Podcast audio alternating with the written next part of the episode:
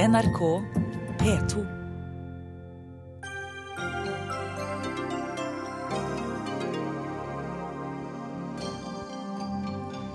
Da kan vi ønske velkommen til en helt spesiell utgave av Dagsnytt 18.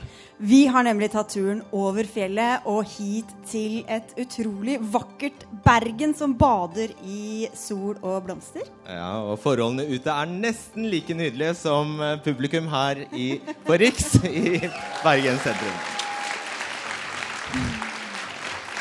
Men det er ikke bare kos. Ingen, ingen Dagsnytt 18 uten debatt, og debatt skal det bli til gangs. Bl.a. om selve byen. For Bergen er ikke Vestlandets hovedstad, sa Bård Vegar Solhjell. Vi får se om han slipper levende ut herfra. Vi får besøk av eh, Nav Hordaland, for vi skal sjekke, undersøke påstanden om at krisepakken for Vest- og Sørlandet er en bløff. Og så blir det litt stripping og litt eh, selvsensur blant eh, journalister. Skal vi bare komme i gang? Jeg tror det. Da kan du gå og sette deg, så skal jeg kaste deg vekk etter hvert.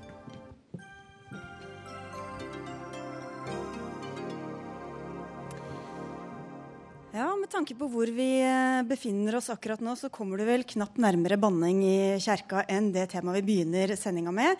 For Bergen er ikke min hovedstad, skrev SVs Bård Vegar Solhjell i Bergens Tidende.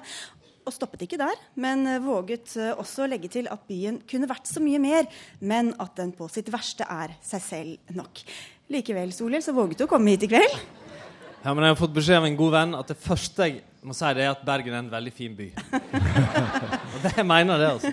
Jeg har bodd der til og med. Ja, du har, du har bodd der, men du er ikke fra Bergen. Du har vokst opp lenger nord eh, på, på Vestlandet. Hvorfor ble Bergen aldri din hovedstad? Altså Bergen er jo på mange måter min by. Byen kalte vi Bergen i den lille bygda jeg vokste opp, eh, en del mil lenger nord.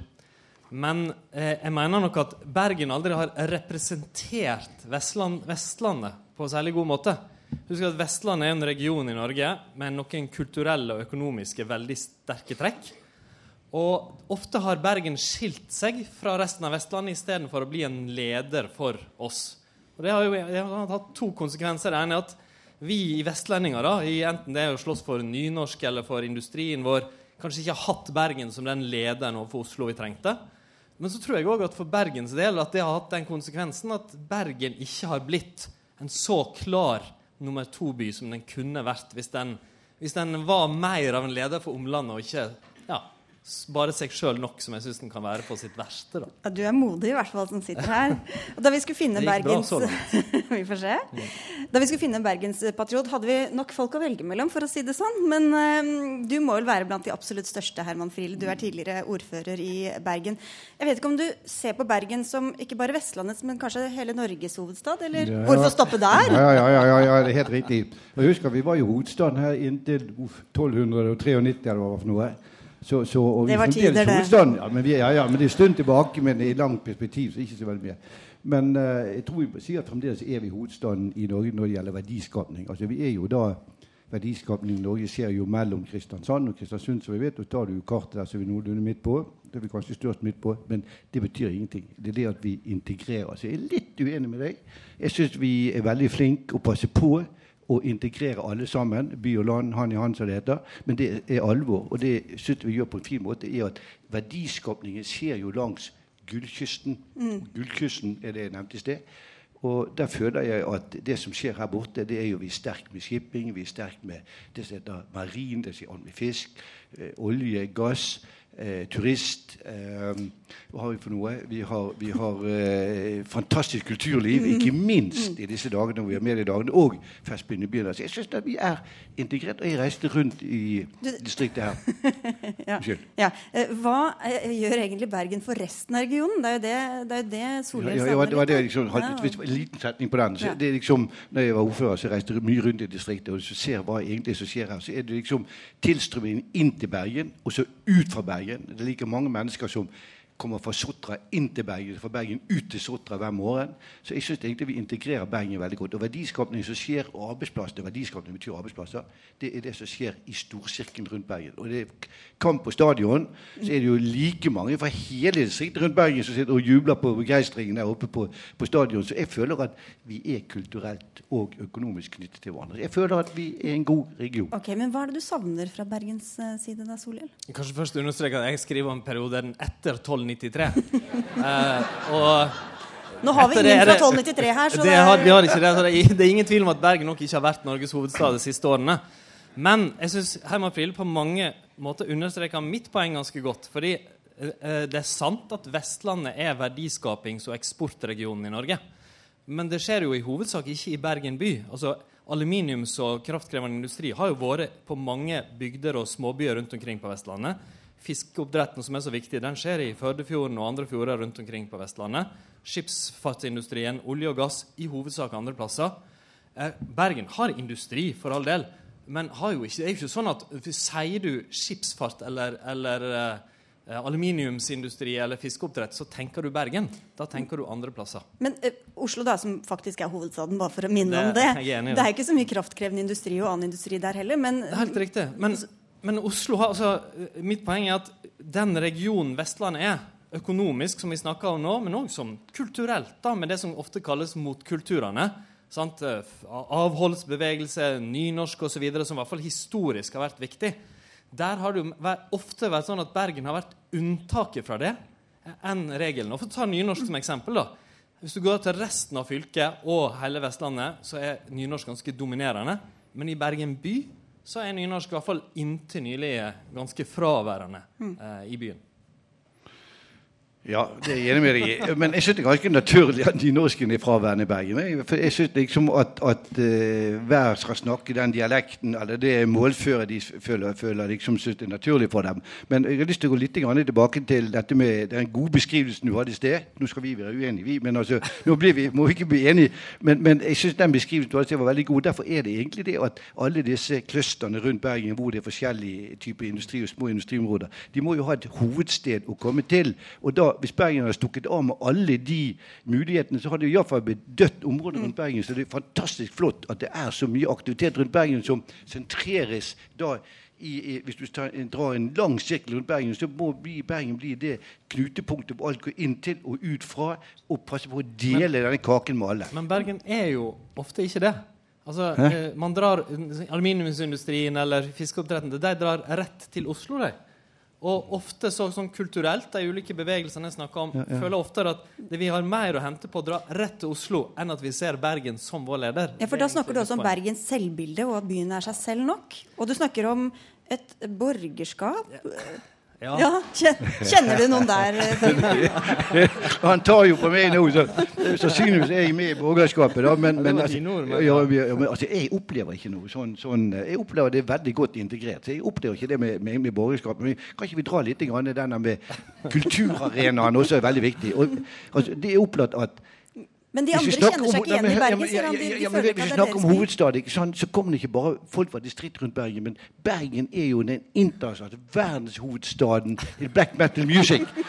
Altså, da er vi ferdig med 1293, enig med deg, men i nyere tid så er det jo black metal music som er fantastiske mennesker. Jeg har møtt mange av de der. Jeg ble jo skremt i begynnelsen. Jeg ble invitert på konserter.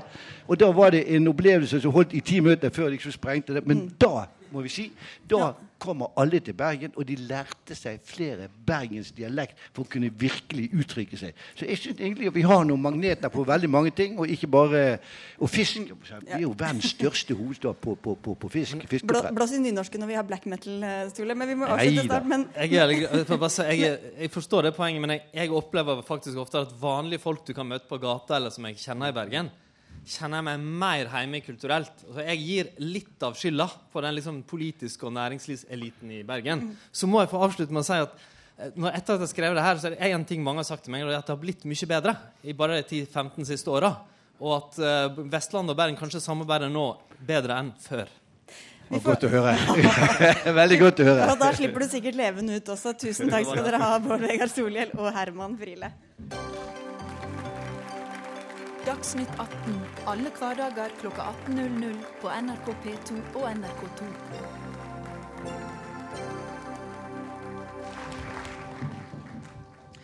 I går plusset regjeringen på 900 millioner kroner til tiltak mot den høye arbeidsledigheten på Sør-Vestlandet. I høst satte de av fire eh, milliarder til det samme formålet. Men mesteparten av pengene gikk til andre deler av landet, kunne Stavanger Aftenblad avsløre tidligere i år. Tiltakspakken finnes eh, faktisk ikke, sier Arbeiderpartiet. Først skal vi høre med deg, eh, Tommy Johansen, assisterende fylkesdirektør i Nav Hordaland. Hvem er den typiske arbeidsledige i Hordaland nå? Typiske arbeidsledige i Hordaland nå, han er industriarbeider. Han er fra Stord, og han er mellom 25 og 40 år. Er han norsk? Eh, I utgangspunktet så er han norsk. Hvis vi dreier det over på litt andre næringer, så har vi også eh, polakker som, som, som, dominerer en del av bildet her. Men det er for så vidt arbeidsinnvandrere som, som, også dominerer. Og Hoveddelen av denne planen eh, for å løse ledigheten på Vestlandet går ut på å sette av mer penger til vedlikehold og rehabilitering av kommunale veier, bygg og anlegg i regionen. Er det den typen jobber man trenger? Ja, altså det, det, er helt klart at vi, vi, ser at innenfor bygg og anlegg, som er av, en av de næringene som sliter mest på den ene siden, dvs. Si at der har vi flest ledige, der og industrien. Eh, så har vi samtidig en stor etterspørsel der. Men det er fordi at den er sammensatt. Du kan si Er det behov innenfor anlegg, så kan ikke du bytte ut en snekker med en som skal jobbe på anlegg. Eh, det samme jeg så på Ledighets eh, siste rapporten vi hadde nå, så har du eksempelvis har du økning på 400 elektrikere i Norge på ledighetsstatistikken i bygg og anlegg. Og så er det 400 færre snekkere og, og, og, tømrere. Så det er viktig å se de nyansene der også. Men eh, den aktiviteten som, uh, som er initiert, eh, skal være og vil virke positivt på ledigheten og vil demme opp for en del av det som eventuelt kommer. Har du betalt av regjeringen for å si det? Nei, det er jeg ikke. Men eh, det er klart at vi blir gitt en betydelig tillit i det at vi får tildelt eh, midler som vi skal forsøke å sette i verk, slik at vi får dem opp for en del av de negative effektene ledigheten kan ha. Eh, både Arbeiderpartiet og Stavanger Aftenblad hevder jo da at de fire milliardene er en bløff. Er du uenig i det, du? Det kan ikke jeg svare på. Det eneste jeg kan si, det er at vi får uh, tildelt de, en del, andel av de tiltaksmidlene som vi skal sette i verk. Dvs. Si at vi setter i gang tiltak som baserer seg både på det å kvalifisere folk inn i alternative jobber, men det er også til omstillingsmidler, altså bedriftsintern opplæring, der vi også har denne omstillingsdelen inne i bildet. For det er klart at Vi har både en utfordring i det å sikre at vi skal være med å omstille og bidra til det, og samtidig så skal vi gi folk et tilbud nå der de sliter. Men hovedpoenget ditt er at pakken fungerer?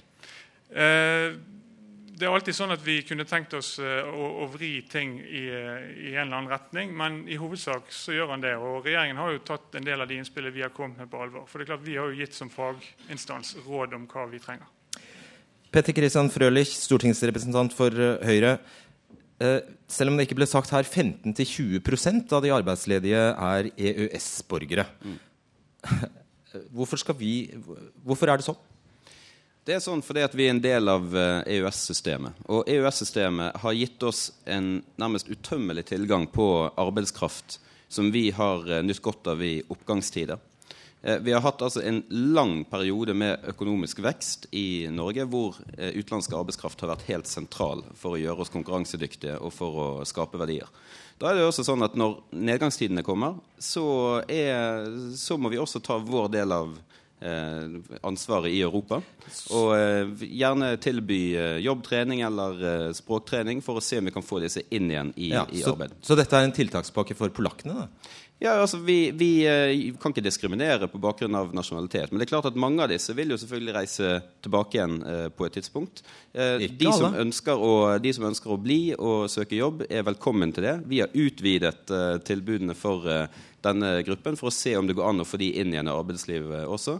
Fordi at vi vet at de har masse å tilføre vår eh, økonomi. Ålreit. Jette Christensen, eh, stortingsrepresentant for Arbeiderpartiet. Hvis du skulle si noe annet enn 'for lite, for seint', hva sier du da til den tiltakspakka? Eh, da vil jeg si eh, velkommen etter. Eh, det er kanskje en annen måte å si det på. Det er, det er, en veldig alvorlig situasjon på Vestlandet nå. Det er veldig mange som står uten jobb. VG hadde et intervju med ei jente fra Egersund som sa jeg syns det er vondt å kjenne på at ingen vil ha meg. Det er en følelse som jeg ikke unner noen. Eh, her er det krise land og strand. Det som, er, eh, som jeg synes er bekymringsfullt, er at regjeringen ikke sier at det er krise. Og for at man skal gjøre noe med en krise, så må man erkjenne at okay, den finnes. La oss ta den runden nå. Ja. Det, hva, hvilken krise mener du der? Jeg mener at det er krise både for den enkelte og for samfunnet at arbeidsledigheten, for. Eh, og for Norge at arbeidsledigheten er så høy. Vi eh, la fram en tiltakspakke som var høyere enn regjeringen sin. Den var 3 milliarder kroner større. I tillegg eh, så ville vi hatt 3 milliarder kroner mer til kommunene. Det ville til sammen skapt flere arbeidsplasser i industrien.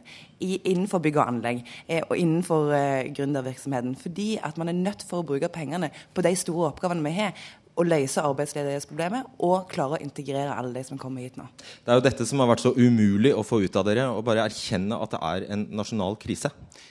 Dette er ikke et vanskelig spørsmål å si. På Vestlandet og på Sørlandet så er det krise for de som rammes av arbeidsledighet. Og, og jeg trenger ikke å sitte her og krangle på det. Jeg er fra er Vestlandet selv og kjenner mange som står uten arbeid.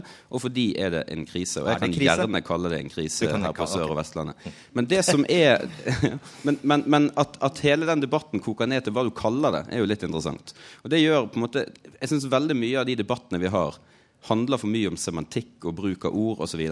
Hvis det er det som er å, å eh, komme med og angripe regjeringen for, så har vi jo egentlig kommet eh, ganske langt, syns jeg. Nei, vi kan egentlig ta innholdet i denne pakken i stedet. Eh, for du, altså Arbeiderpartiet har ment at dette faktisk er en, den fire milliarders-pakken er en bløff. Stavanger Aftenblad hadde på forsiden sin eh, når statsbudsjettet kommer, at den pakken som skulle være målretta overfor eh, Sør-Vestlandet, ikke fantes. De lette etter de pengene. De fant de eh, på poster som ikke akkurat var målretta overfor sør arbeidsledigheten på Sør-Vestlandet.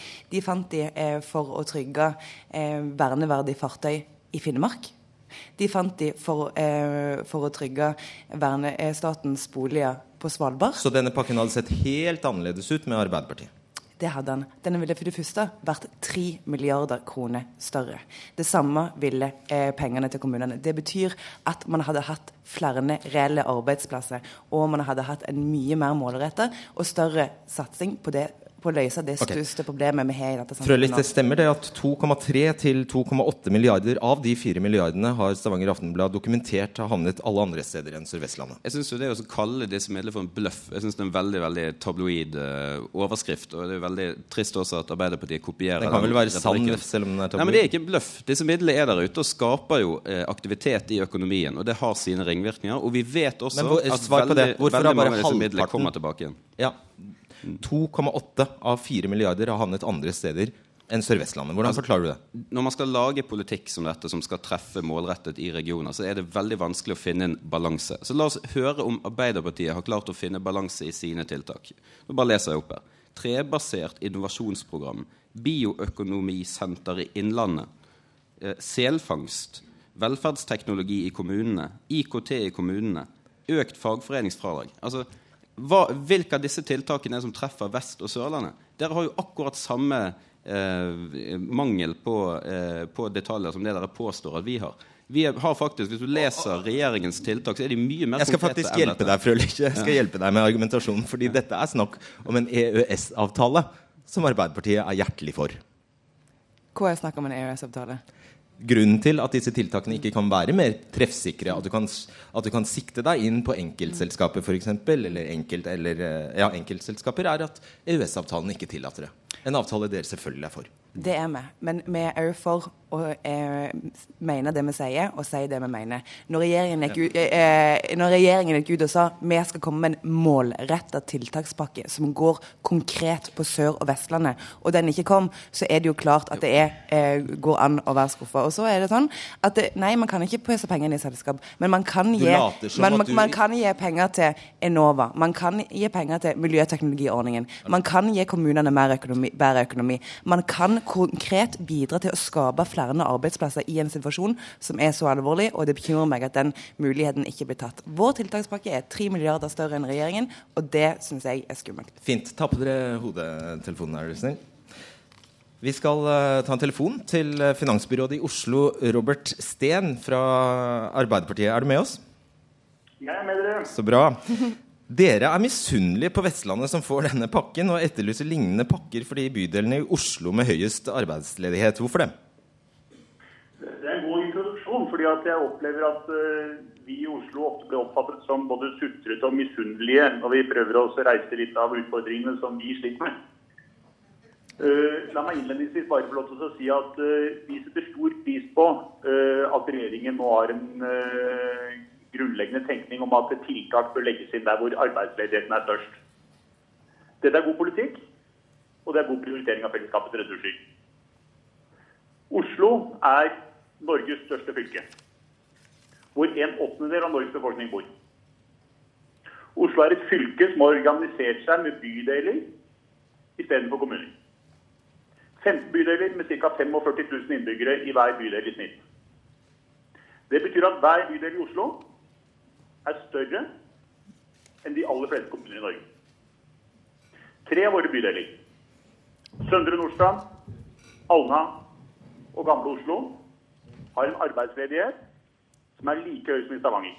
Og det er poenget ditt, ikke sant? At du mener arbeidsledigheten i disse bydelene, f.eks.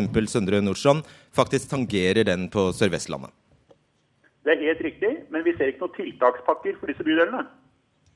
Ja, er, er ikke det et poeng, Frølich? Altså, Rogaland og Hordaland har i antall arbeidsledige dobbelt så mange omtrent som eh, Oslo. Så, men, eh, ikke bydelene han snakker om?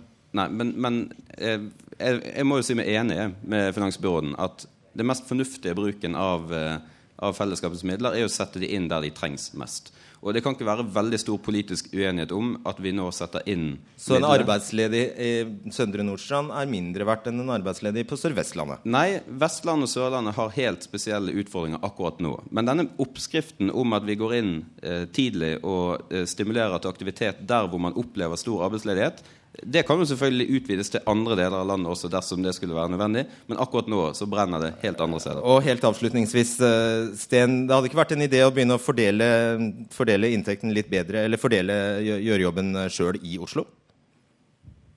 Jo, altså det gjør vi jo hver dag. du gjør jo ikke det tydeligvis, hvis arbeidsledigheten er så mye høyere i noen bydeler enn i andre? Jeg har et forslag. Nei.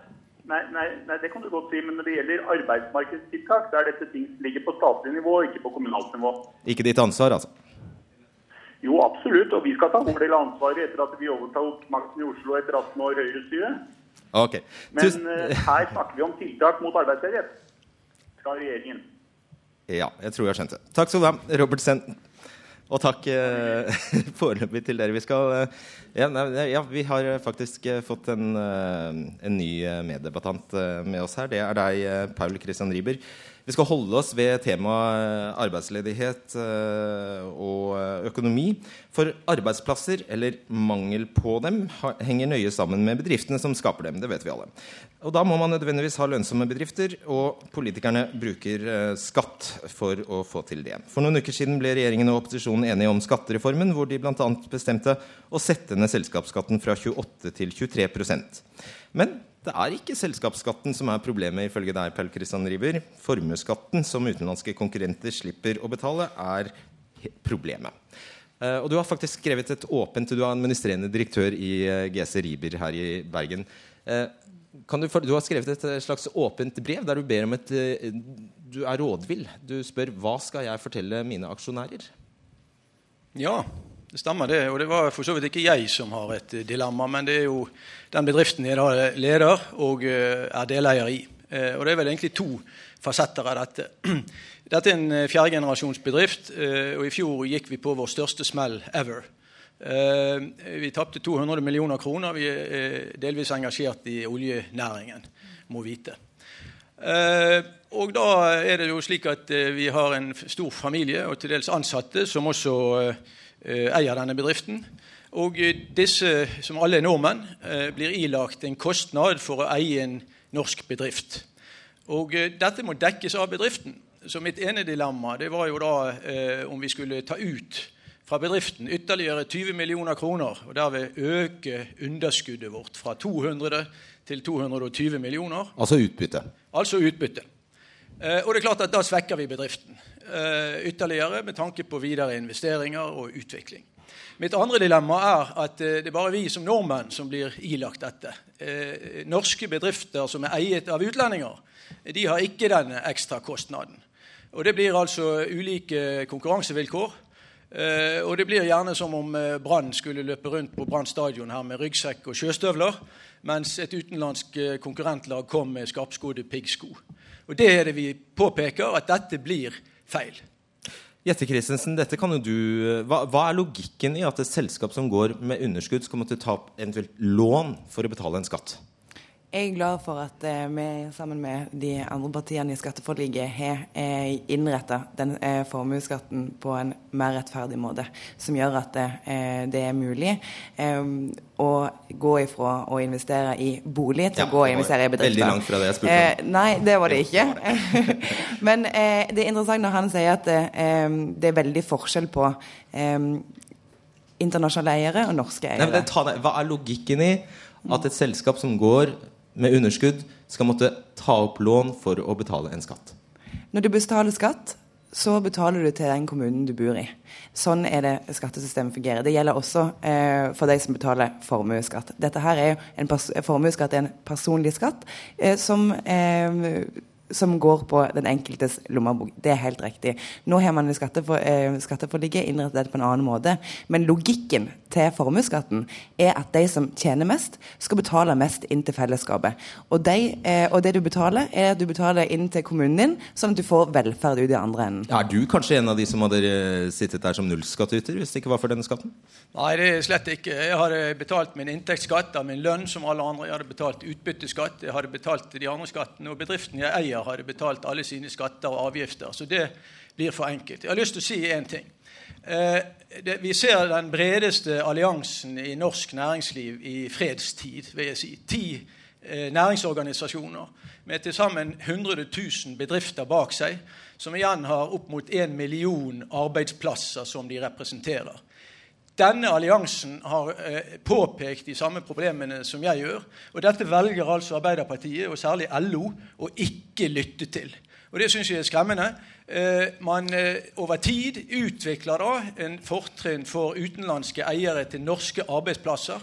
Og det må vi alle være klar over.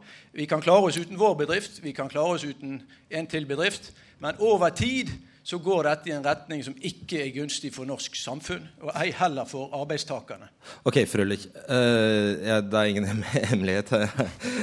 Dere mener jo dette er uh, urimelig uh, forskjellsbehandling. Men hvis det var en, en, en forskjellsbehandling som ikke var til å leve med, så hadde vel denne skatten for lengst vært borte? Altså, det har vært litt pedagogisk vanskelig for oss å forklare hvorfor formuesskatten er en veldig veldig dårlig idé. Eh, og Grunnen til at det har vært vanskelig, er at vi har stort sett hatt oppgangstider i Norge. Og Da er det sånn at bedriftene har klart å finne midler til å betale denne skatten, selv om det er en ulogisk konstruksjon. Men nå, når det står masse eh, tomme lokaler rundt omkring, særlig langs vestlandskysten og på Sørlandet, og bedriftene sliter med å få endene til å møtes, eh, og de attpåtil selv om de går med underskudd, altså må skrape sammen midler for å betale formuesskatt, så tror jeg det blir veldig veldig tydelig hvorfor dette er en dårlig skatt. Og det er en grunn til at ikke veldig mange andre land i verden eh, opererer med for, formuesskatt. Så jeg er veldig glad for som Jette sier også, at vi har klart å bli enige med en innretning på hvordan formuesskatten skal være når den først eksisterer, men vi vil fortsatt avskaffe den på sikt. En, eh, denne brede, historisk brede alliansen eh, der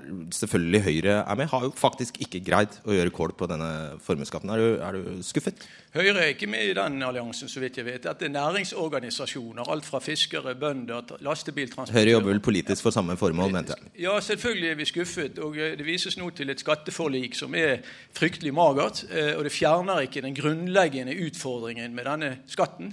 Eh, og vi kunne innrettet det så mye mer viselig oss imellom. Og Hvis du spør rundt fagforeningsledere, tillitsmenn langs kysten, er det flere av dem som har rykket ut og sagt at dette er feil. Eh, Aps fylkesordfører i eh, Hordaland, Anne Hestetun, har hatt et avisinnlegg fortalt at men når du kommer inn til eh, Oslo, så blir det polstret. Og da blir det prinsipper og skremselspropaganda om nullskattytere, som gjelder kanskje et få hundre personer. Mens det er hundretusenvis bedrifter som uh, egentlig rammes. Christensen, det er en uh, kjensgjerning at uh, bl.a. Høyre har slitt med Grunnen til at dette har vært en pedagogisk vanskelig oppgave, er bl.a. at de har slitt med å finne bedriftseiere som eh, tålte, eh, søkelyset som kom på dem hvis de sto fram som såkalte caser i denne, i, i denne, saken. Det har vært vanskelig å få bedriftseieren til å stille opp, eh, rett og slett. Men det kan jo hende Frølich har et stort poeng. Nå vil, vil, nå vil det vise seg. Vel, det gjenstår å se. Eh, Erna Solberg ble jo tatt i valgkampen med å hente fram eksempler som rett og slett ikke eh, stemte. Eh, det som er saken her nå, det vi trenger å gjøre i dette landet, er å øke produktiviteten, vi trenger å øke veksten, og vi trenger flere arbeidsplasser. Det er ingenting som tilsier at det å senke formuesskatten eller fjerne formuesskatten vil bidra til det. Jeg er opptatt av politiske virkemidler som fungerer i en så alvorlig situasjon som vi står i nå. Og da er jeg nødt for å ikke bare handle ut ifra ideologi eller overbevisning. Da må jeg handle ut ifra det som de aller fleste økonomiske, eh, økonomiske Nei, Det handler ikke om ideologi sier, for deg i det hele tatt. Eh, sier at fungerer. Jeg er opptatt av ting som fungerer. Og når det er sånn eh, at formuesskatten bidrar til så mye eh, inntekter til fellesskapet, men, man og som man vil miste, og ikke få arbeidsplasser igjen i andre enden, så er ikke jeg for å fjerne formuesskatten. Du får siste ordet fordi det var to mot én. Takk skal dere ha.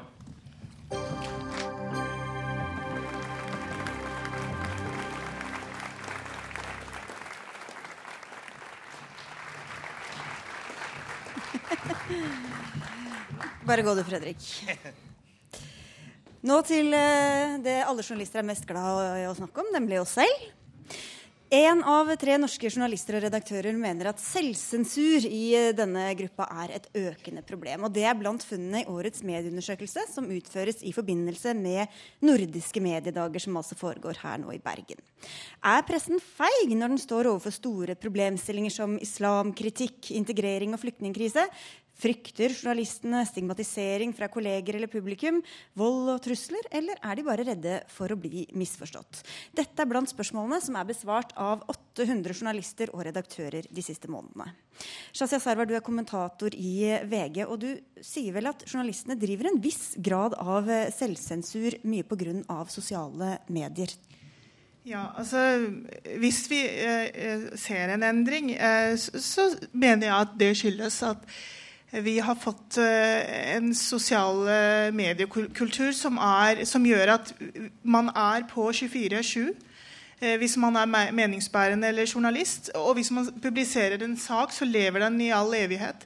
Og så er på en måte kritikken kommer umiddelbart og, og kan vare kjempelenge. Så, så, det er noe med at man Jeg sensurerer ikke meg sjøl. Jeg tar pauser.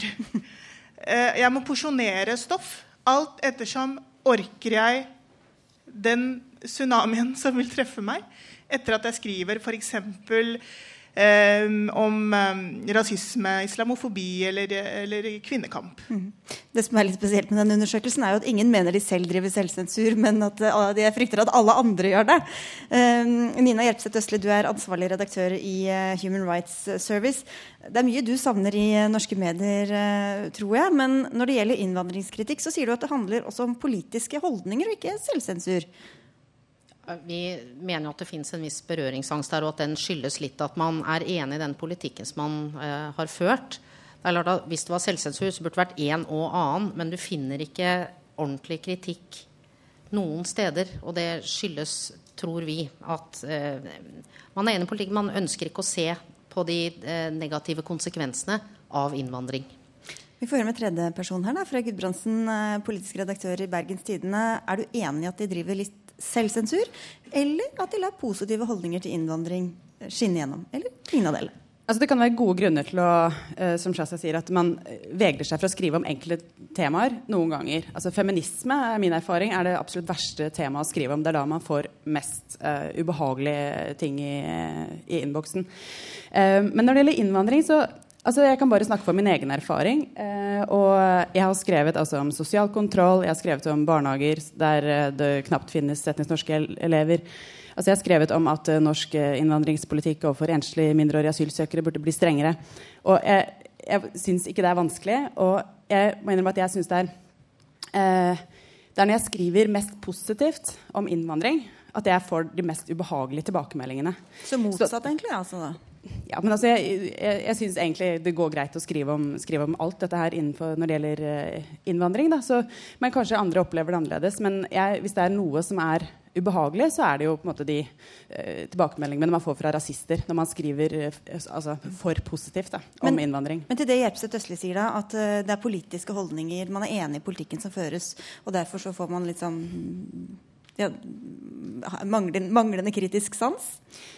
Nei, det, For min del så er det jo ikke på den måten. Men det er, det er klart, sånn som det er nå, så har man jo eh, Fremskrittspartiet i regjering som eh, fører en eh, mer restriktiv politikk enn man har sett før. Og det er klart, da blir jo eh, da, da, blir jo måte, eh, mediedekningen deretter også, fordi det er flere da som er uh, kritiske til den. Men jeg mener at det har skjedd en veldig, uh, ganske betydelig endring i hvordan man skriver om innvandring. Og har nok, debatten har blitt åpnere. det er pressedekningen tar for seg eh, mange flere nyanser og veldig mange flere sider av innvandringen. Da. Så jeg syns egentlig ikke på det feltet så syns jeg eh, det, er, eh, ja, det er i hvert fall veldig veldig mye bedre da, enn det det var for kanskje ti år siden.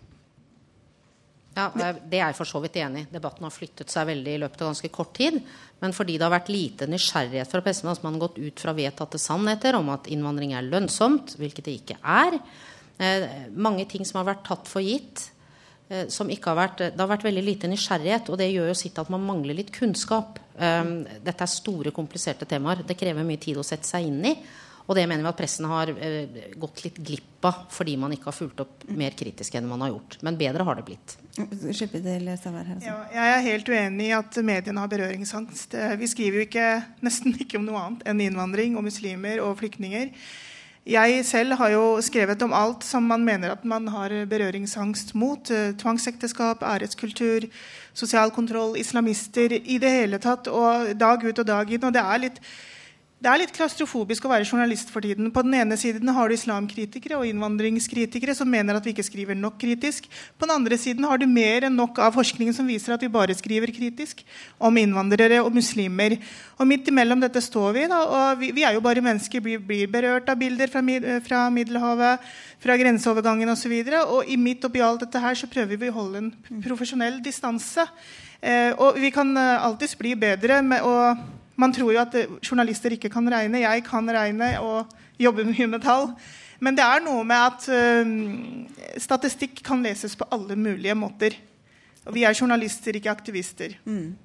Ser du, leter du litt selektivt, uh, Nei, altså vi driver jo med et område som, er, som vi mener er underdekket. Så det er klart vi er mye mer spesialisert.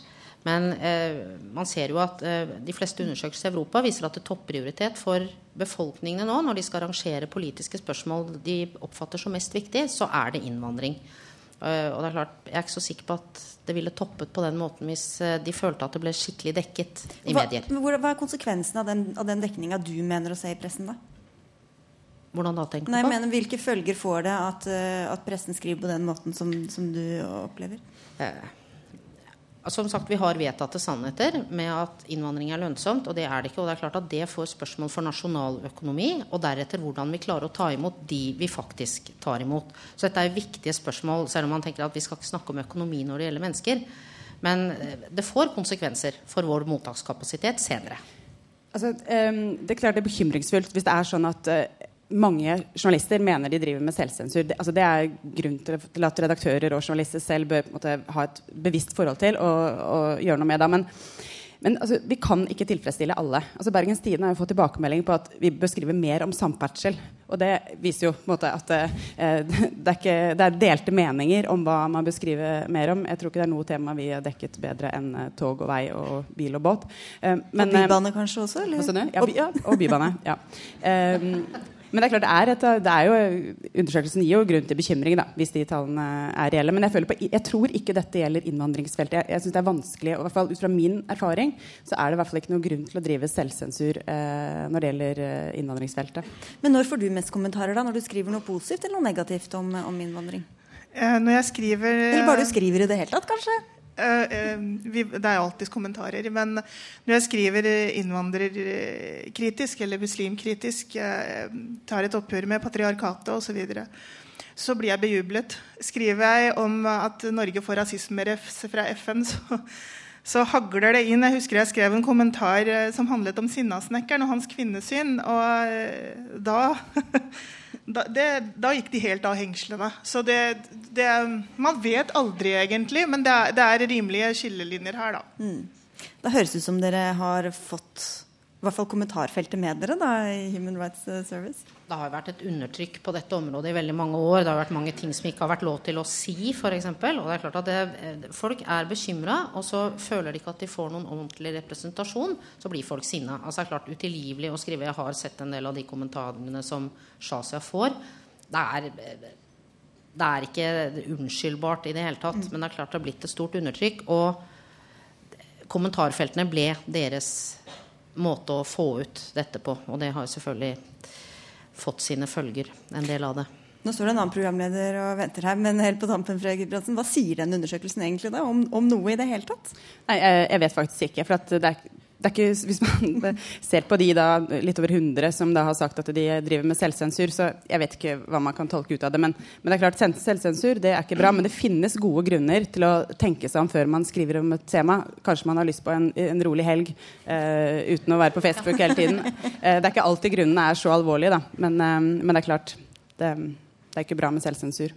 Det får bli moralen. Ja. Tusen takk skal dere ha, alle tre. Frøy Gudbrandsen, Shazia Sarwar og Nina Hjelpseth Østland. Hør Dagsnytt 18 når du vil. Radio NRK Radio.nrk.no.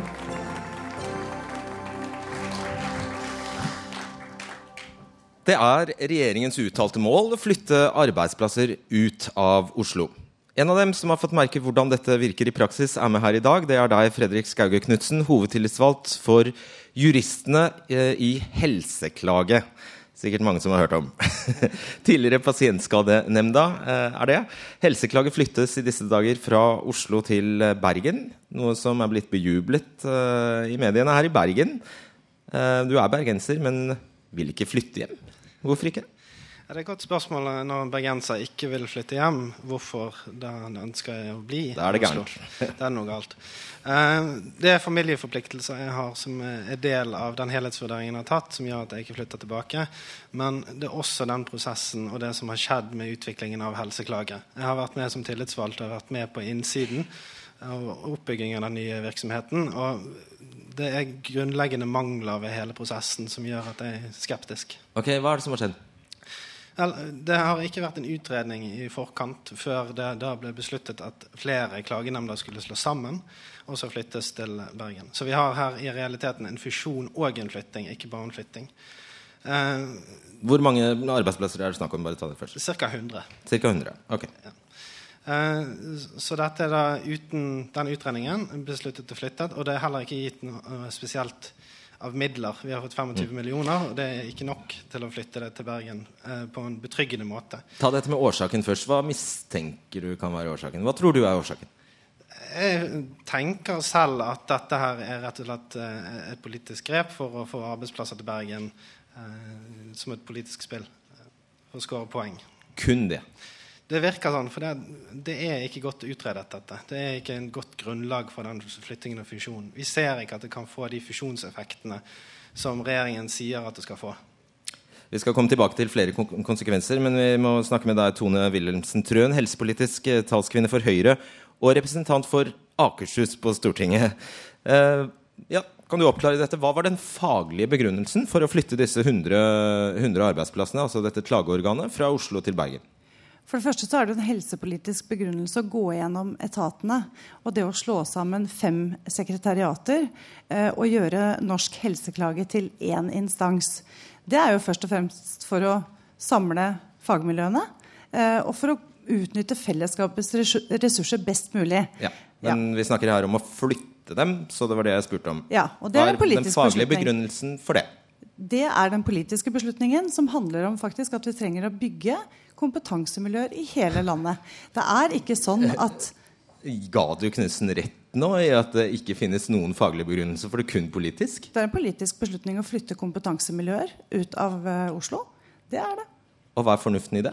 Det er veldig fornuftig å spre kompetanse i hele landet. Det er veldig lite fornuftig å tro at all kompetansen skal sitte i Oslo. Hva er konsekvensen? Konsekvensen er at det blir eh, en sårbar gruppe som lider av dette. Det er pasientene eh, som blir lidende under lengre saksbehandlingstid.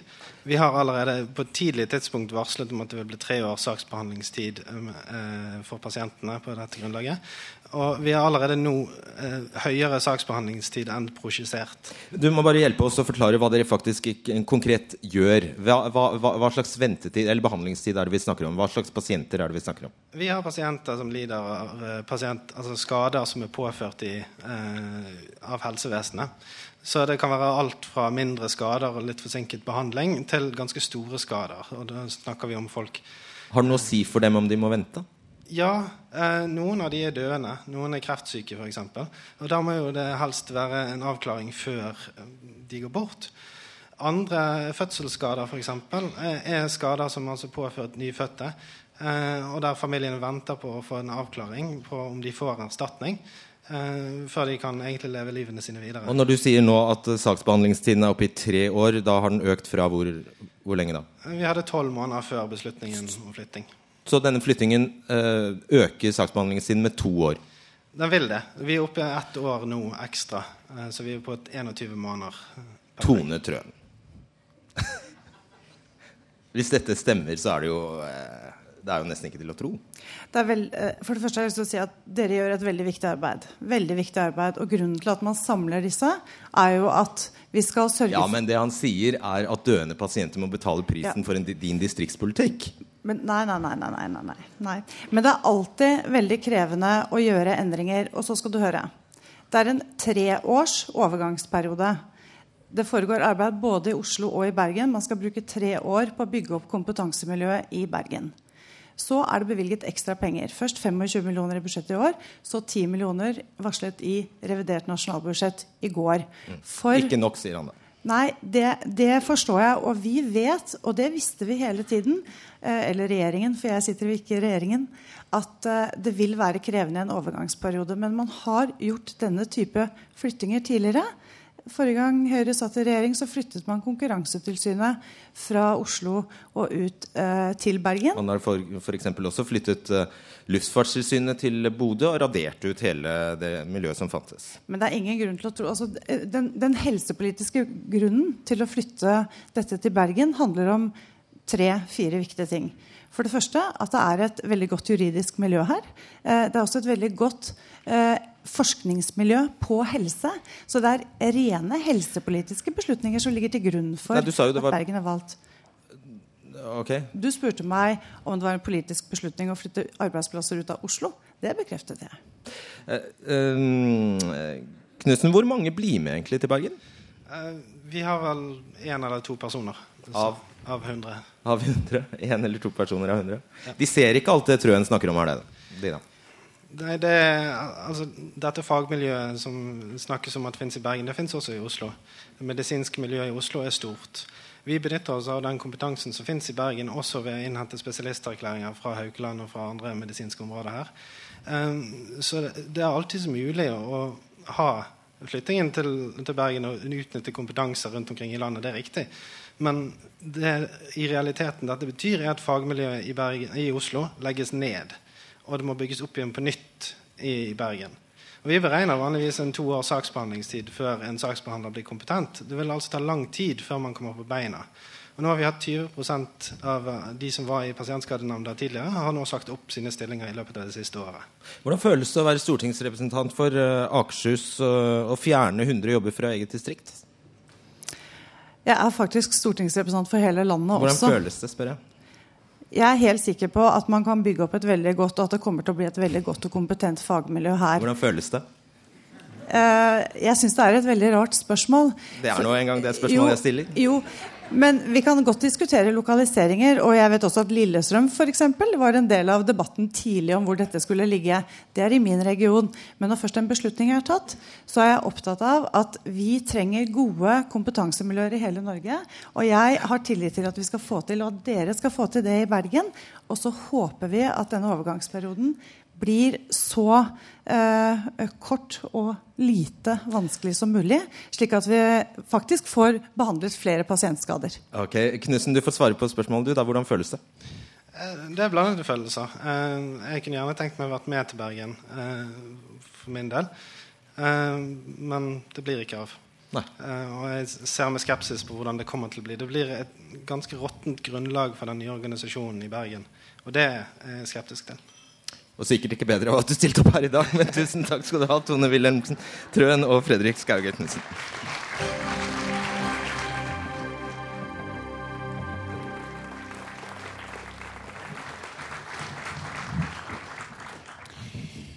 Bybanen er vel diskusjonstema over alle diskusjonstemaer her eh, i Bergen. Men jeg tror at det vi skal snakke om nå, må være en god nummer to. For nå skal det handle om pupper og pils. Bystyret er splitta når det gjelder å frata byens eneste strippeklubb After Dark retten til å servere alkohol. Noen politikere mener nemlig at Bergen ikke trenger en klubb der folk betaler for å se nakendansing. Du er en av dem, SV-politiker Mikkel Gryner, du er leder for helse- og sosialkomiteen i Bergen bystyre. Og dere vil ikke gi denne klubben videre skjenkebevilgning. Hvorfor ikke? Etter vårt syn så er dette et uh, konsept som passer dårlig inn i den uh, byen som vi ønsker.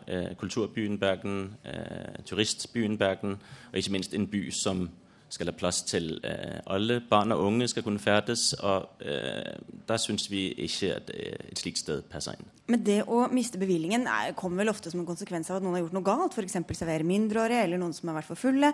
Hva er det After Dark har gjort for noe gærent, da? Altså for det første så er det, eh, det er ingenting som tilsier at man har krav på en skjenkebevilling. Skjenkebevilling er noe eh, kommunen kan gi. Eh, og det kan være mange begrunnelser til at man ikke velger å gjøre det. Det kan være fordi politiet ikke anbefaler at man gjør det. Det kan være fordi at, at det ligger i et boligområde. det kan være mange grunner. Men ingen av de grunnene gjelder denne, denne Nei, men her har vi noe som ikke passer inn i den byen som vi ønsker. Hanna Ajtic, du er bystyrerepresentant for Høyre, og dere vil ha fortsatt skjenking og stripping, en salig blanding. Mm. Hvorfor det? Altså, det enkle svaret på det er jo at eh, After Dark de gjør jo faktisk ikke noe ulovlig her. De er en lovlig virksomhet på lik linje med absolutt alle de andre skjenkestedene i Bergen. De følger de samme skjenkereglementet som alle de andre skjenkestedene i Bergen. Så med mindre man liksom har noen ting imot det som de holder på med der, så er det ingen Det er vel nettopp det som er tilfellet her, da. Ja, og jeg mener jo at dette her er liksom et klassisk eksempel på at eh, Arbeiderpartiet og SV og KrF, da, som jo ikke er her i dag By Byråden ville ikke være her? Ja, Det syns jeg jo er veldig spesielt, at hun ikke turte å stille opp. Men altså, her har man da laget, eller man ønsker seg et reglement som utelukkende baserer seg på hva man liker og ikke liker. Altså et reglement som handler om hva man selv mener er moralsk riktig eller galt. Og det er jo det, det, det kan man jo åpenbart forstå, at sånn kan vi ikke ha det. Jeg synes at Man setter seg selv liksom i en maktposisjon hvor man uh, gjør seg til herre over andres moral. og det Sånn er ikke det politikernes uh, mål, egentlig? Eller? Jeg syns i hvert fall ikke at det burde være politikernes Nei. mål. Jeg syns at uh, de som er ansvarlige for det her, burde møte opp og forklare hvorfor man skal forskjellsbehandle noen som egentlig driver med noe helt lovlig. Ja, hvorfor skal betingelsene som næringslivet forholder seg til, avgjøres av hva politikere som deg liker og ikke liker? Griner? Nå er det jo nettopp sånn at den kompetansen ligger eh, i bystyret. Det er nettopp slik at kommunene har veldig stor frihet til å utøve et skjønn eh, i disse sakene. Eh, og det er et spørsmål om demokrati. Nå er det sånn at eh, Innbyggerne i denne byen de har valgt eh, et bystyre som har en sammensetning som nå ser ut til å kunne eh, bety at eh, man ikke ønsker denne virksomheten. Det er sånn demokratiet fungerer. Og Hvis man eh, eh sitter her og argumenterer for at man vil frata kommunene retten til å foreta den typen politiske vurderinger, så syns jeg det er veldig spesielt. Hvis du velger politikere, så er det kanskje ikke så rart at du får den politikken de har valgt dem på? det, det, er ikke så rart. Men altså, poenget her er jo at vi har et reglement som sier når man kan få skjenkebevilgning, og når man ikke kan få det. Og så snakker Mikkel Griner om kulturbyen Bergen. Men så denne utelivsbransjen er kanskje en av de viktigste næringene i Bergen sentrum. Nakenkulturen? Ikke nakenkulturen i seg selv, men altså utelivsbransjen sysselsetter veldig mange, ganske mange unge mennesker. Og hvis ikke de har et regelverk som de kan klart forholde seg til, så er det veldig vanskelig. De trenger forutsigbarhet, og de trenger klarhet. Og det får de ikke når man inntar et sånn begrensning i, eller sånn vilkår i om man skal få skjenkebevilling eller ikke, om stedets karakter. Ja, hva er det da, Mikkel Gryner? Ja, du skal få svare, Gryner, men vi må få inn strippesjefen selv. eh, Geir Karlsen, du er daglig leder ved utestedet After Dark. Du kaller dette maktmisbruk fra politikernes side? Det er det. Eller politikk, da, som man også kan kalle det. Ja, med maktmisbruk. Em, Jeg må jo bare si meg eh, 100 enig i at utrolig skuffende at Kristelig Folkeparti ikke tør å stille opp til debatt. Em, Beklager stemmen litt. Em, em, Dette er maktmisbruk. Vi har drevet nå med vårt konsept i seks år. I henhold til uttalelse for Kontor for skjenkesaker så er ikke vi bare kontrollert, vi er gjennomkontrollert. Vi har hatt flere bokettersyn. Vi har hatt ja, titalls skjenkekontrollører eller kontroller hos oss. Vi har hatt brann, vi har kemner, vi har Skatt Vest på besøk hos oss. De har funnet null avvik. Hvor, hvor viktig er det å ha den skjenkebevilgningen for dere, da? Den er veldig viktig. Det er essensielt når du driver et utested, uansett hva konsept du har, om du har fotballpub eller for oss del stripping. Eh, og vi har altså drevet prikkfritt i seks år. Nå blir vi belønnet, eller kan se vi blir belønnet med å miste vår bevilgning. Som min meddebattant her sier, så er det vel få som jeg vet om, jeg tror tallet er null, som ikke har fått fornyet bevilgning, Mm. Så fremt ikke det har vært noen kriminelle forhold som har lagt bak det. Og Hvordan skal da utelivsbransjen klare seg når eh, betingelsene plutselig kan skifte på den måten? Så vi synes jo nettopp at dette er en uh, måte å sørge for, at vi har en utelivsbransje, som uh, kan fungere godt i samspill med, med, med byens innbyggere. Så vil, samtidig, så vil jeg samtidig si, at det er ikke noe argument i seg selv, at fordi man driver en lovlig virksomhet, at man har krav på en skjenkebevilling. Vi kan, jeg kan komme med eksempler på andre typer virksomhet, som vi ikke ville synes uh, passer inn. For eksempel så hadde vi jo her i byen en uh, MC-klubb, som uh, fikk skjenkebevilling. Da mente man at, uh, at, at det, det, det kunne man ikke ha. Uh, vi har ikke anledning for steder som har f.eks. pengespill, til å, å ha skjenkebevilling. Så skjenkebevilling er ikke noe man har krav på, det er noe man får tildelt. Og her liker dere rett og slett ikke stripping, og da vil dere ikke Altså, ha vi det. jo, at, vi synes jo, at, denne, vi synes jo toppløs servering og stripping, det er gammeldags, og det Men kvinnefiendtlig. kan ikke publikum få velge det, da? Om de syns det er gammeldags eller pirrende, eller vet ikke jeg. Hva kommer for å se? Altså, eh, Hva publikum eh, på dette sted eh, synes og ikke synes, er kanskje ikke så viktig. Det som er viktig, det er at vi får en eh, bransje som eh, passer inn i byen, i kulturbyen Bergen, eh, og en by der eh, folk skal kunne ferdes fritt. Okay, kommer Det er markedskreftene som styrer om folk vil komme til oss eller ikke komme til oss. Jeg vil bare si det at eh, Igjen så blir vi sammenlignet med MC-klubber. Da snakker vi om 1 %-klubbene, som på en måte er litt opp, opplest og vedtatt at de driver innenfor eh, kriminelle baner. Eh, så så, eh, ja, så den argumentasjonen den holder rett og slett ikke. Og det, det, mitt poeng er bare det at nå blir næringspolitikken, skjenkepolitikken, blir styrt etter hva enkelte politikere liker eller ikke liker, og rett og slett følelser. Og det blir egentlig helt feilslått eh, politikk. Og som jeg har også sagt, eh, eh, hva skjer hvis de også skal gå etter rockeklubber som f.eks. spiller black metal-musikk, som Herman Friele var innom, Ja, som, har, som har tekster som støter f.eks. Kristelig Folkeparti-medlemmer. Hva da? Ja, for, for ett sted må jo grensa gå, Atic, og for dere, går den, for, for dere går den ikke her. Men ett sted går den vel for dere også? Altså, jeg vil si at uh, Det som er hovedproblemet med det her, er jo egentlig nettopp det som blir pekt på. At nå endrer man reglementet slik at man får en sånn derre veldig skjønnsmessig begrunnelse Eller veldig sånn skjønnsmessig adgang til å bestemme om noen skal få en skjenkebevilgning eller ikke. Og det handler først og fremst om hva er det vi, eller det til enhver tid rådende bystyreflertallet mener. Det er kjempeuforutsigbart for en næring som betyr så mye for kulturbyen Bergen. fire år fram i tid, da. Fire år fram i tid. Helst okay, ikke. Helt avslutningsvis, eh, Det, det handler om demokrati. Det handler om at kommunene må få lov til å utøve eh, sitt frie skjønn. Og hvis man ønsker å frata kommunene eh, det frie skjønnet, da er man ute på eh, et, et, et, blindspor. Jeg må bare få si at Én ting er å utøve fritt skjønn, men du kan faktisk ikke drive med usaklig forskjellsbehandling. Og det er det dette her er. Det er saklig forskjellsbehandling. Saklig forskjellsbehandling. Ja, ok, Vi får si det. tusen takk til dere alle tre, for det var siste sak ut i dag. Oi, oi. Så fort en time i godt, godt lag Sånn går. er det i Bergen, altså. Her går tida Sånn fort. I morgen er det business as usual. Tilbake Yes. til hverdagen. Tilbake på Marienlyst i morgen er jeg, og da lover jeg å finne den minste bitte lille Oslo-sak å debattere. Du fikk inn litt Oslo i dag òg, da. Litt fikk vi. Tusen takk til alle som så på, og til alle som eh, kom. Og tusen takk for oss. Eh, vi har hatt det helt supert her i Bergen. Håper å komme tilbake en annen dag.